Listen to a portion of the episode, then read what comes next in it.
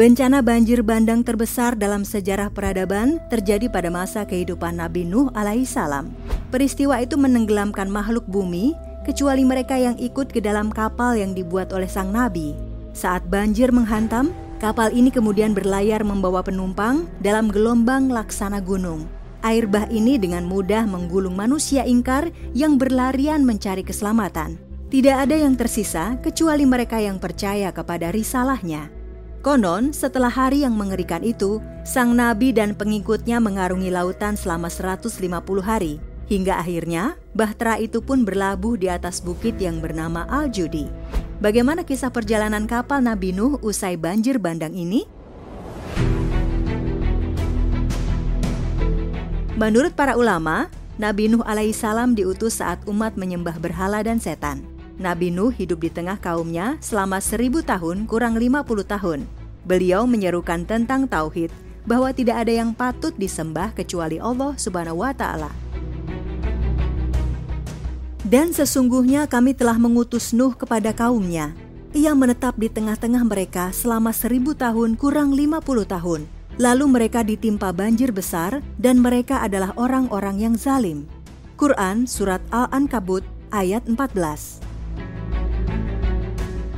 Berbagai upaya dilakukan sebagai upaya dakwah, namun kaumnya tidak peduli dan hanya sedikit yang beriman kepada dakwah kenabiannya. Sang nabi berputus asa terhadap usaha yang dilakukannya.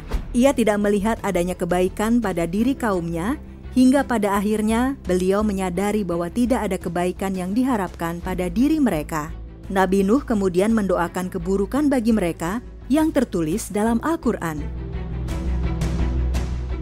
Nuh berkata, "Ya Tuhanku, sesungguhnya kaumku telah mendustakan aku. Oleh sebab itu, adakanlah suatu keputusan antara diriku dan mereka. Lalu selamatkanlah aku dan orang-orang mukmin yang bersama dengan diriku." Quran Surat Ashura ayat 117 hingga 118 Allah Subhanahu wa Ta'ala berfirman kepada Nabi Nuh, "Dan buatlah bahtera itu dengan pengawasan dan petunjuk wahyu kami. Janganlah engkau bicarakan dengan aku tentang orang-orang yang zalim itu. Sesungguhnya mereka semua akan ditenggelamkan. Quran Surat Hud ayat 37 Sebagian ulama salaf berkata, ketika Allah mengabulkan doa Nabi Nuh, Allah memerintahkan beliau untuk menanam pohon besar sebagai persiapan bahan untuk membuat kapal. Selanjutnya, beliau menanam pohon dan menunggu selama 100 tahun. Setelah 100 tahun berlalu, beliau membelah-belah kayu pohon tersebut.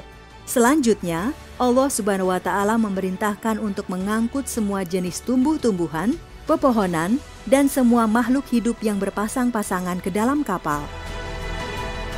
Allah Subhanahu wa taala berfirman, "Hingga perintah kami datang dan At-Tanur telah memancarkan air, kami berfirman, Muatkanlah ke dalam bahtera itu dari tiap-tiap binatang sepasang, jantan dan betina, dan keluargamu, kecuali orang yang telah terdahulu berlaku ketetapan azab kepadanya. Dan muatkanlah orang-orang yang beriman, dan tidak beriman bersama dengan Nuh, kecuali sedikit. Quran Surat Hud ayat 40 Kemudian bahtera itu membawa mereka di tengah-tengah gelombang yang laksana gunung Banjir seperti ini tidak pernah terjadi sebelumnya, di mana gelombangnya hingga menjulang tinggi dan menenggelamkan daratan. Langit seperti menumpahkan airnya dan bumi memancarkan air dari segala penjuru. Seperti disebutkan dalam firman Allah, dan bahtera itu berlayar membawa mereka dalam gelombang laksana gunung. Quran Surat Hud ayat 42 Dengan terkabulnya doa Nabi Nuh ini, maka tidak ada penentang beliau yang tersisa, termasuk istri dan anaknya yang telah menolak beriman kepada dakwahnya. Bahtera tersebut kemudian mengarungi dataran yang sudah menjadi lautan tersebut selama 150 hari. Alba Ibnu Ahmar meriwayatkan dari Ikrimah dari Ibnu Abbas. Ia berkata, Nuh berada di dalam kapal bersama dengan 80 orang dengan keluarganya masing-masing. Mereka berada di dalam kapal selama 150 hari. Allah mengarahkan kapal itu ke Mekah. Lalu kapal itu berputar-putar mengelilingi Baitullah selama 40 hari. Setelah itu, Allah mengarahkan kapal itu ke Bukit Al-Judi, hingga akhirnya berlabuh di bukit tersebut.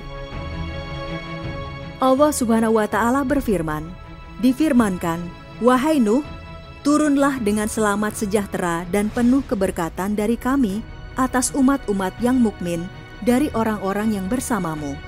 Dan ada pula umat-umat yang kami beri kesenangan kepada mereka dalam kehidupan dunia, kemudian mereka akan ditimpa azab yang pedih dari kami.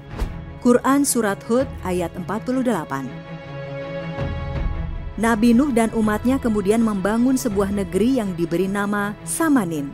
Selanjutnya, terjadi perkembangan dalam bidang bahasa hingga menjadi 80 bahasa.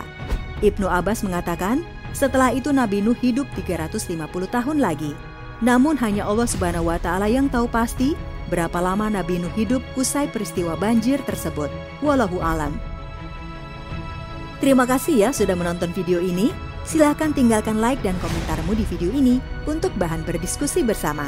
Dan jangan lupa untuk menekan tombol subscribe dan aktifkan lonceng notifikasinya agar kamu selalu diberi informasi mengenai update video terbaru dari kami.